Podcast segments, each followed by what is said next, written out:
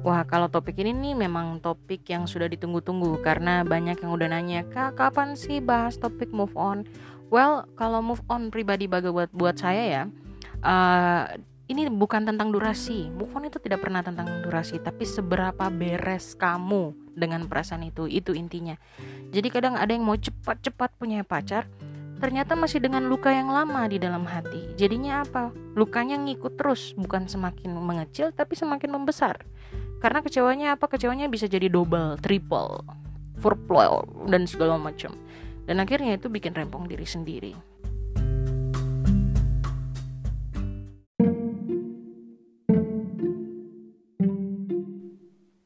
Halo teman-teman semua, selamat datang kembali di podcast cerita seru bareng Jenny Karai. Tidak terasa ini sudah episode ke-17 OMG Sweet Seventeen cuy ini kita orang sudah di episode ke-17 dan kita orang sore hari ini akan bahas topik yang paling banyak di request. Dan minta maaf banget Jenny Kare baru bisa record kali ini karena su tahu kita orang juga nih orang sibuk. Tapi saya berusaha untuk di minggu minggu minggu minggu minggu minggu minggu minggu minggu minggu minggu minggu selanjutnya itu bisa membagikan waktu untuk buat podcast apalagi ternyata waktu kemarin sempat ke Jayapura kan cuman dua atau tiga hari gitu untuk kegiatannya Telkomsel itu ada yang ketemu terus bilang kak saya suka sekali dengar podcastmu.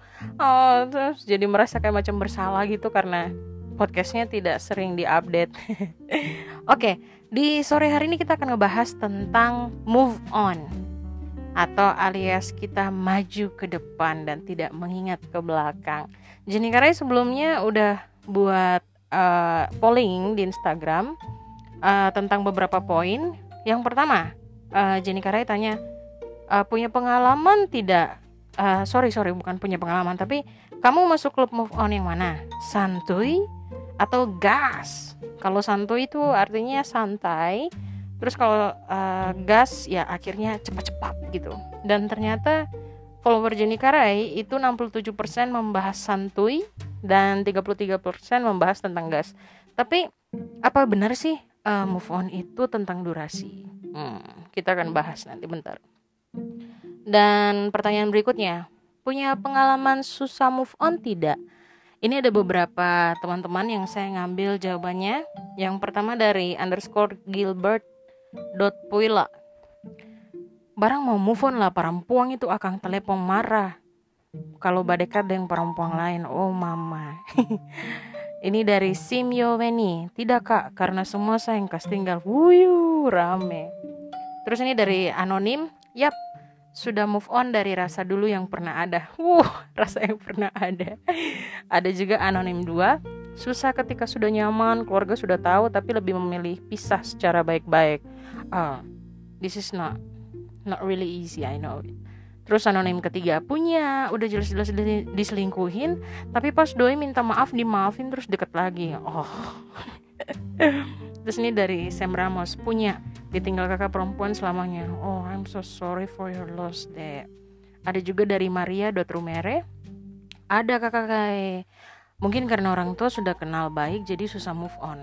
Ada anonim 4 ada kak. Ini lagi berusaha move on. Semangat anonim 4 semangat move on. Terus uh, polling berikutnya. Biasanya kamu susah move on karena ini ada dari ada ada orang yang punya jawaban sama dari anonim 2 dan Jenny Simopiare. Telanjur sayang dengan kebersamaan yang dibangun. Kenangan suka dan duka. Keluarga saling kenal. Hmm, oke. Okay. ada juga dari Fonda Bikavi Han Dotnah, ada Dianilta, ada Rit Rit Mentehatu, Rit Manuhutu atau gimana ya? Terus ada juga dari Sam Ramos, momennya tidak bisa diulang dengan orang lain, banyak kenangan. Jadi intinya banyak kenangan. Ada dari Halo Ivana underscore, lihat postingan mantan terus ingat masa-masa bersama dia. Uh, jangan lihat terus bah. Terus ini ada lagi dari Lia Swebu karena masih sering di chat, terus masih sering lihat story story, makanya susah mau move on. Ih, main apa ya ade? Terus ada lagi dari underscore Gilbert Pula kasih perhatian lebih lah, telepon bikin tong nyaman lagi. Ih, kenapa mau angkat? Terus ini dari Unani Serafi dan juga anonim 3 karena sudah merasa nyaman. Eh teman-teman, anyway kalau Jenny Karai uh, bilang anonim itu berarti orang-orang yang DM minta mereka punya identitas disamarkan ya. Terus ada juga dari anonim masih berteman dengan target di sosmed. Hahaha. Hmm, berteman aja terus. Ini juga ada dari Lady Elim. Sering curhat ke teman tentang dia, semakin diomongin semakin ingat. Huh ada dari Sarah Komendong karena masih satu sekolah jadi gitu tiap saat pasti ketemu oh itu memang nggak nggak gampang sih. Jangankan yang satu sekolah satu tempat kerja atau satu komunitas saja uh rempong juga. Ada dari Baker underscore Cindy. Terlalu sayang dalam uh, kurung tanda tanya. Hahaha hmm. kayak kayak apa saya pengen menyanyi apa karena ku terlanjur, ku terlanjur sayang Terus ada dari Unita Monim Karena takut aja sih Bisa nggak ya dapat yang baik kayak dia? Eh ternyata bisa dapat. Oh good for you deh. Terus ada dari JJ Fakdawar Karena masih ada hal yang ngeganjel gitu kak. Hmm ngeganjel pintu deh. Terus ini dari M Wabuai. Karena dulu Setel cinta sungguh mati, padahal terjadi oh, saya pernah rasain kayak begini. I know you feeling deh. Oh, nggak enak emang. Ini terus uh, yang terakhir dari Lun Pearl. Ya gimana susah move on? Eh ya gimana nggak susah move on? Kalau pacaran 7 tahun satu gereja biasa latihan ditemenin terus sendiri. Uh, uh, oh sale. Terus uh, Jenny Kara kasih polling kan Punya success story bisa move on tidak? Terus ini ada beberapa. Ada dari anonim, yes, sudah move on 2 tahun. Good. Terus ada underscore Gilbert Pola, berusaha untuk tidak ambil serius aja kak. Ada dari Fonda B Cafe, menyadari kalau semua di dunia hanya sementara, akan selalu ada yang datang dan yang pergi. Ada dari Lady Elim, jangan pernah mau tahu tentang dia dan jangan sering-sering curhat tentang dia ke orang lain. Eh, ya, ya, ya. Ini dari Dia Nilta punya kaks sudah bahagia dengan yang baru Eci yang baru Eci terus ini ada lagi dari anonim dua kepoin all of his social media tiap hari tiap jam sampai enak muntah-muntah lalu lupa terus ini ada dari Sarah Kumendong setelah sudah tidak satu lokasi lagi dan diriku mulai memperbarui diri baru di tempat yang sekarang. Hmm, good for you. Terus ada Marion Denes Sadria. Ingat si mantan punya sifat terburuk saja terus bertahankan. Ya kadang itu memang membantu sih. Terus uh, polling yang berikutnya, biasanya kamu gampang move on karena apa? Terus ini ada yang ada yang sudah jawab juga beberapa aja yang Jenny Karai ambil ya. Ini dari Cory.fab. Kalau punya kesibukan dan punya teman jadinya sibuk ngurusin orang lain bukan ngerespon si baper. Good. Ini ada yang jawabannya sama dari ABD Mudanang, ada Eslin underscore, ada Tilova underscore M. Kalau dapat cewek atau cowok baru, uh baru. Terus ini dari Lun Pearl, tahu dia bahagia ya kali nangis terus dianya udah bahagia. itu bikin sakit sakit jiwa sendiri saja itu. Terus uh, if underscore fonte kalau udah ikhlas kak, oh so deep. Ini dari Maria Rumere. Kalau saya kakak lebih ke menikmati hidup, pekerjaan dan kesibukan. Yes, itu bagus. Isi dengan yang positif. Ini ada jawaban yang sama dari Marione Sadria, dari Emua Buai, ada dari Yunita Monim, dari Saraku Mendong.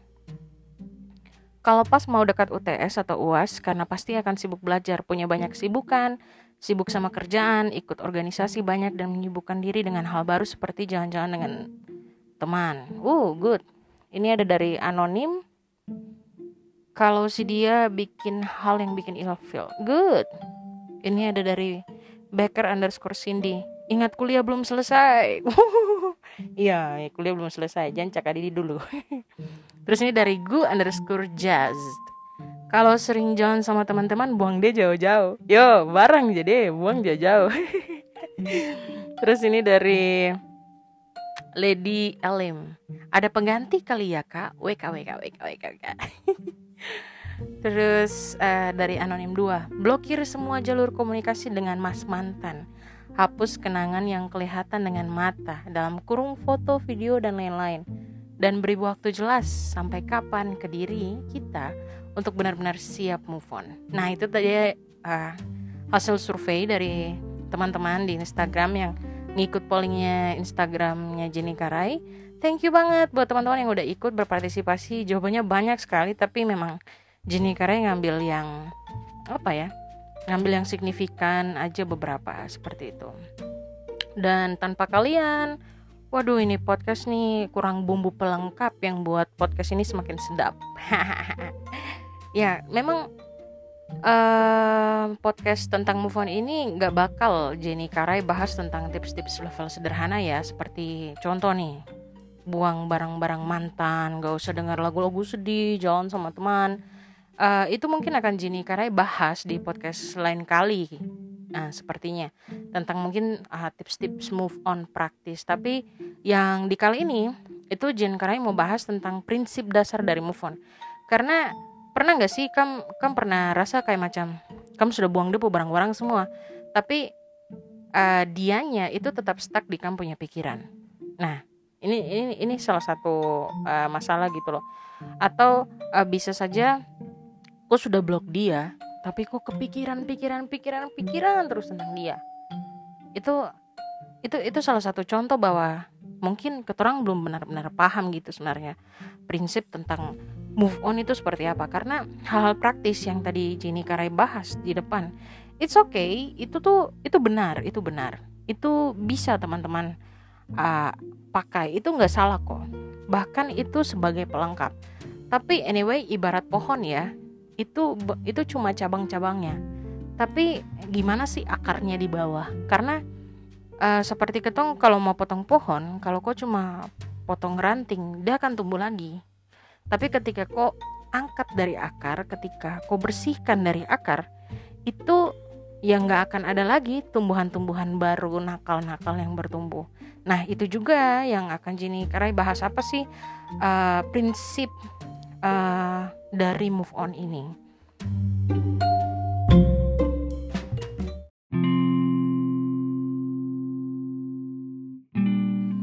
Dan move on bagi Jenny Karai itu sesederhana macam kita orang minum obat.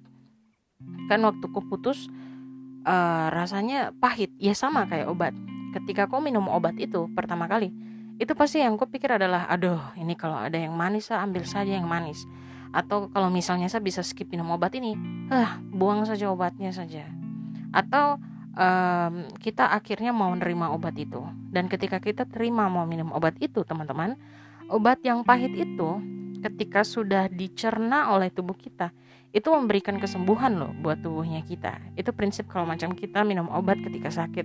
Nah itu juga uh, prinsip yang sama ketika kita move on. Waktu kita move on itu ibaratnya ya seperti itu. Itu hal yang pahit buat kita. Kenapa pahit? Karena ih kita sudah baik baik kok ternyata gagal. Kita udah begini kok gagal. Kita padahal udah ngerti banget dia eh ternyata gagal. Kurang apa? Kurang ini, kurang ini dan segala macam. Nah itu tuh seperti obat pahit gitu loh waktu kita telan emang awalnya tuh pahit tapi ketika kita mengizinkan pengalaman-pengalaman uh, itu itu diproses dalam kehidupan kita kita mau belajar maka itu tuh akan jadi wisdom yang baru buat kita. Itu akan menyembuhkan kita bahkan mencelikan mata kita dari hal-hal yang mungkin sebelumnya tidak kita pikirkan gitu loh. Bahwa uh, itu ternyata terjadi dan ternyata kita bodoh. Oh ternyata bukan jodoh dan segala macam. Nah kita masuk aja yang pertama prinsip dasar dari move on. Itu yang pertama forgiveness atau pengampunan Iya emang rasanya kayak macam ih kajian holy banget sih. Enggak juga tapi itu prinsip dasar DE adik-adik saya. Jadi uh, banyak dari kita itu tidak bisa maju ke depan karena kita lebih senang merengkuh apa yang sudah terjadi di belakang. Keturang rasa nyaman sekali sama itu. Terus ketong tuh takut takut lepas itu karena akhirnya contoh muncul pertanyaan-pertanyaan kurang bersensi. Seperti ih nanti bakal dapat yang lebih baik nggak ya? Bisa nggak ya saya tanpa dia atau ih ada yang mau terima saya kah ih ada yang mau sayang perempuan kayak saya atau laki-laki macam saya? Well buat buat buat Jenny karena itu pertanyaan sangat tidak beresensi gitu loh. Tapi memang pertanyaan itu kadang muncul ketika ketorang tidak bisa menyadari ketorang punya diri sendiri. Ketika ketorang kehilangan ketorang punya diri sendiri. Dan tahukah teman-teman kalau ternyata itu semua dari akar yaitu tadi kita belum mengampuni orang yang nyakitin kita. Kita belum bisa ampuni orang itu rasa sakit itu juga akan terus ada. Itu tuh udah tidak akan bisa hilang. Macam tiba-tiba putus ya sudah ah, itu tuh nggak akan nggak akan hilang. Karena sekali lagi waktu kau pacaran kan kau bikin suatu pola lebih dari durasi waktu yang ada. Entah kau pacaran mau sebulan seminggu enam bulan tiga bulan atau bertahun-tahun apalagi yang bertahun-tahun.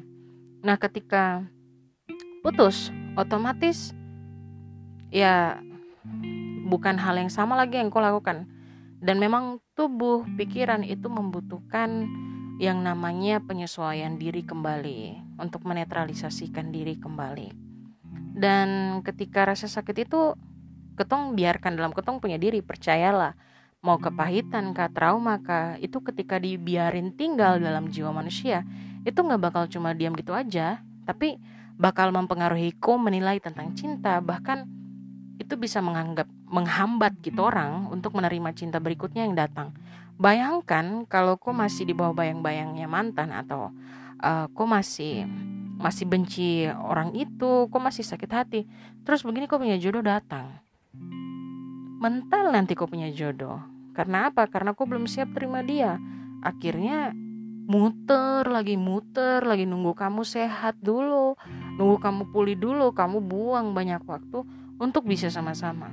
So kalau memang seasonmu untuk recovery ya recovery.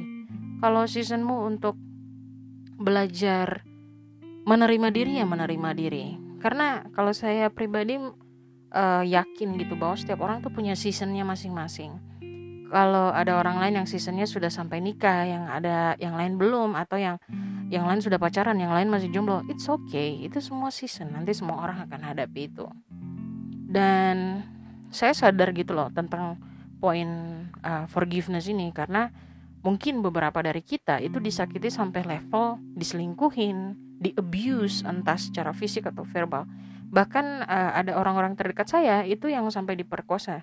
Dan mengampuni itu jadi PR jangka panjang buat mereka. Dan ini jadi challenge tersendiri.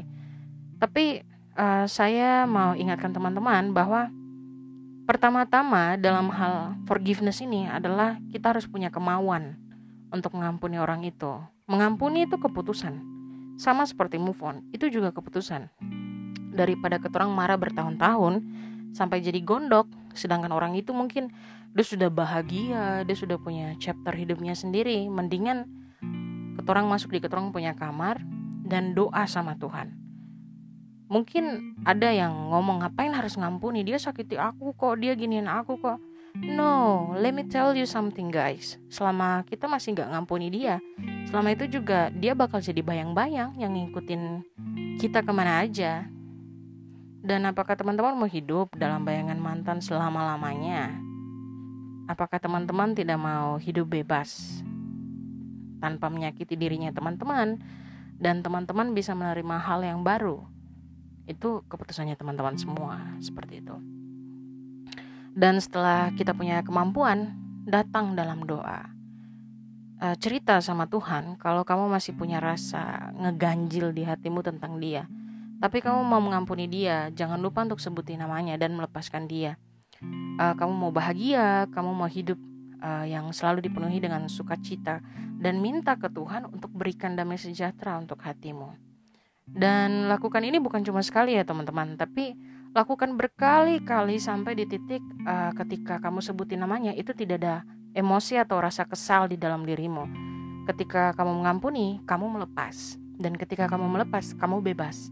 Bebas untuk menikmati hidup, bebas untuk menikmati dunia, bahkan bebas untuk kamu menulis kisah yang baru tentunya di lembar yang baru. Gak seru kan kalau kamu uh, nulis di lembar baru terus kamu masih bolak-balik bolak-balik halaman yang di belakang. Ya jadinya copy paste nggak bisa kreatif. Saya pribadi um, di poin ini ya, uh, saya juga ngalami patah hati itu yang paling sakit itu sama mantan yang kedua di tahun 2013-14 gitu jadi hubungannya udah sangat serius banget dan bahkan dia tuh sampai ngikut di liburan keluarga bareng jadi uh, ada dia ada saya terus ada mama papa ada kakak istrinya kakak terus ada ponakan saya yang kecil gitu.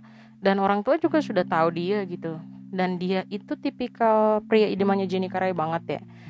Dan apa ya yang buat dia tipikal uh, idaman saya itu karena dia punya jiwa kebapaan yang kuat. Dan dia tuh tipikal pria yang selalu berusaha buat saya tersenyum di mana saja dan kapan saja. Jadi kalau macam dilihat mukanya saya itu air wajahnya sudah sudah sudah kerut mengkerut gitu. Kayak macam bosan. Karena saya tuh memang tipikal orang yang paling gampang bosan. Itu langsung dia kasih lucu-lucu lucu-lucu. Ah, tertawa lagi tertawa lagi. Jadi dia naikin mood lagi untuk uh, lanjutin sesuatu. Dan bayangkan waktu putus sama dia itu saya seminggu di dalam kamar terus. Nangis dengar lagu rohani terus nangis lagi.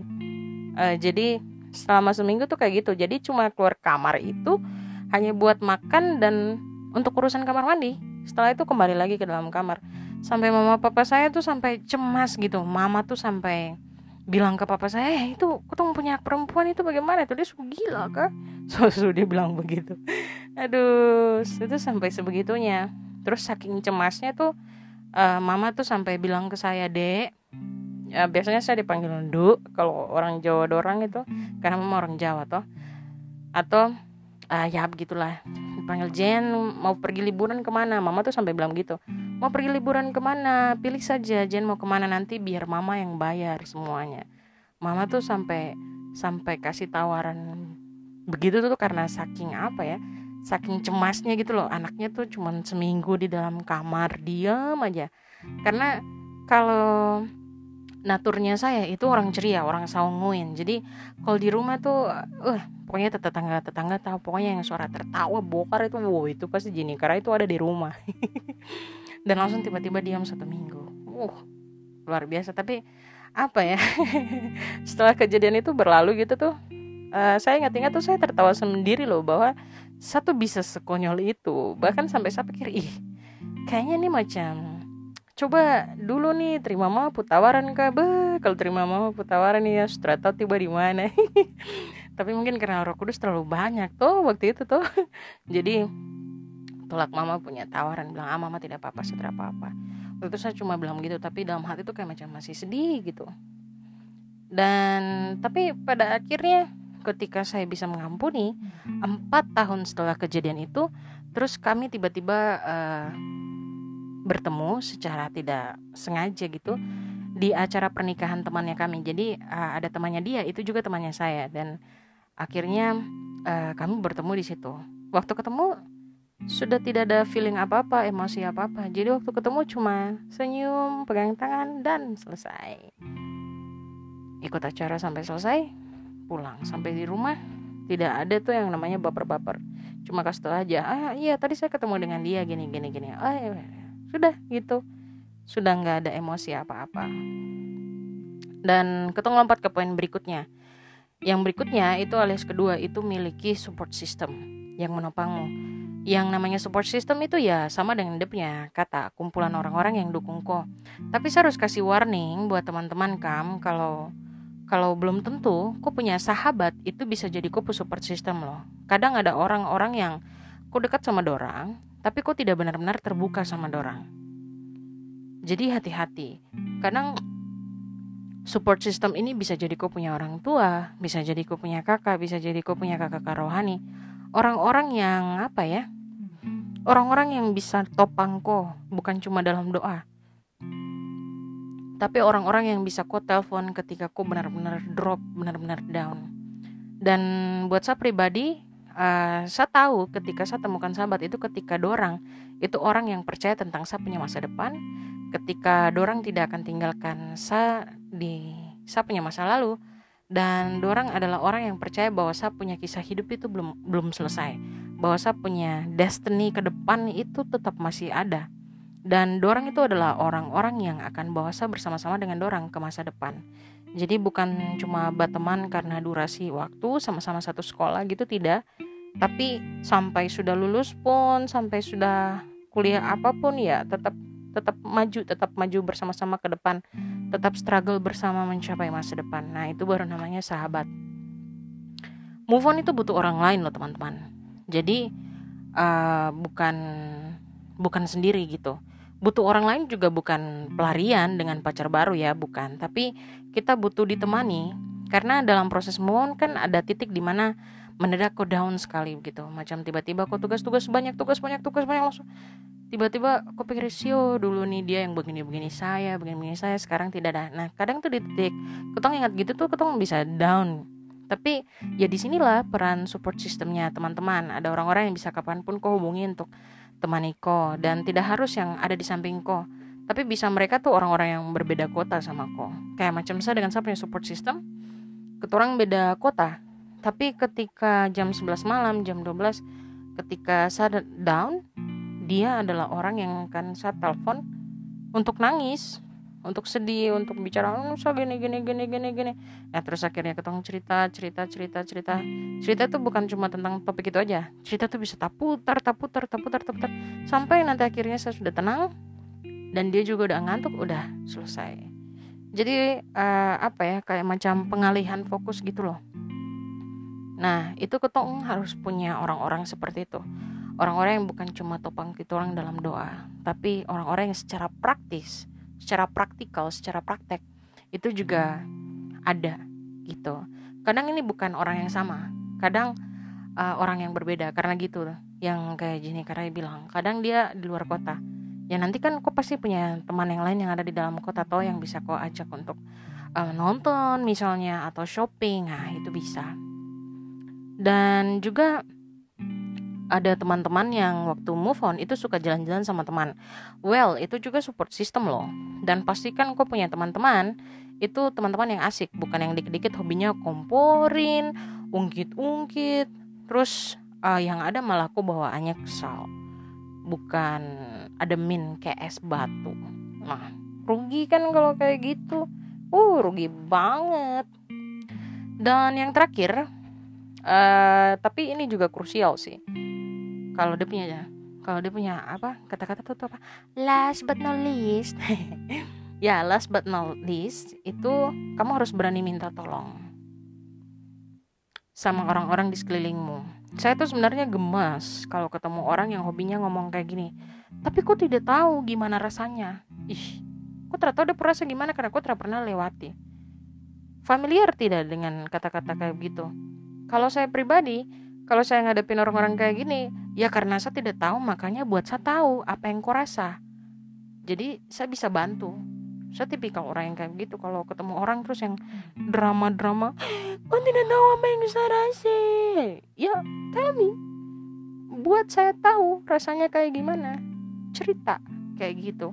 Bukan bukan sudah sedih terus kamu bikin drama sampai orang-orang tuh kayak macam tidak bisa atau aku punya perasaan oh itu namanya tuh queen of drama. Hati-hati. Ibaratnya nih kalau ketong naik pesawat uh, biasa masker di pesawat itu hanya akan jatuh waktu pesawat dalam keadaan darurat toh.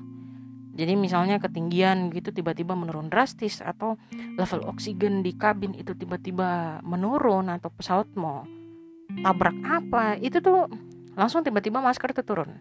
Terus tahu tidak apa yang pertama disarankan dilakukan? Selalu yang pertama adalah pasang masker ke diri sendiri, baru ke orang lain. Benar? Benar. Terus kalau macam kau punya anak atau kau punya orang-orang di samping kau yang masih kurang mandiri untuk menggunakan masker, caranya juga sama kan? Kau harus pakai masker di kupu diri baru kau bantu orang lain. Nah, di poin ini itu poinnya sama bahwa kau harus bantu kau punya diri sendiri sebelum kau bantu orang lain.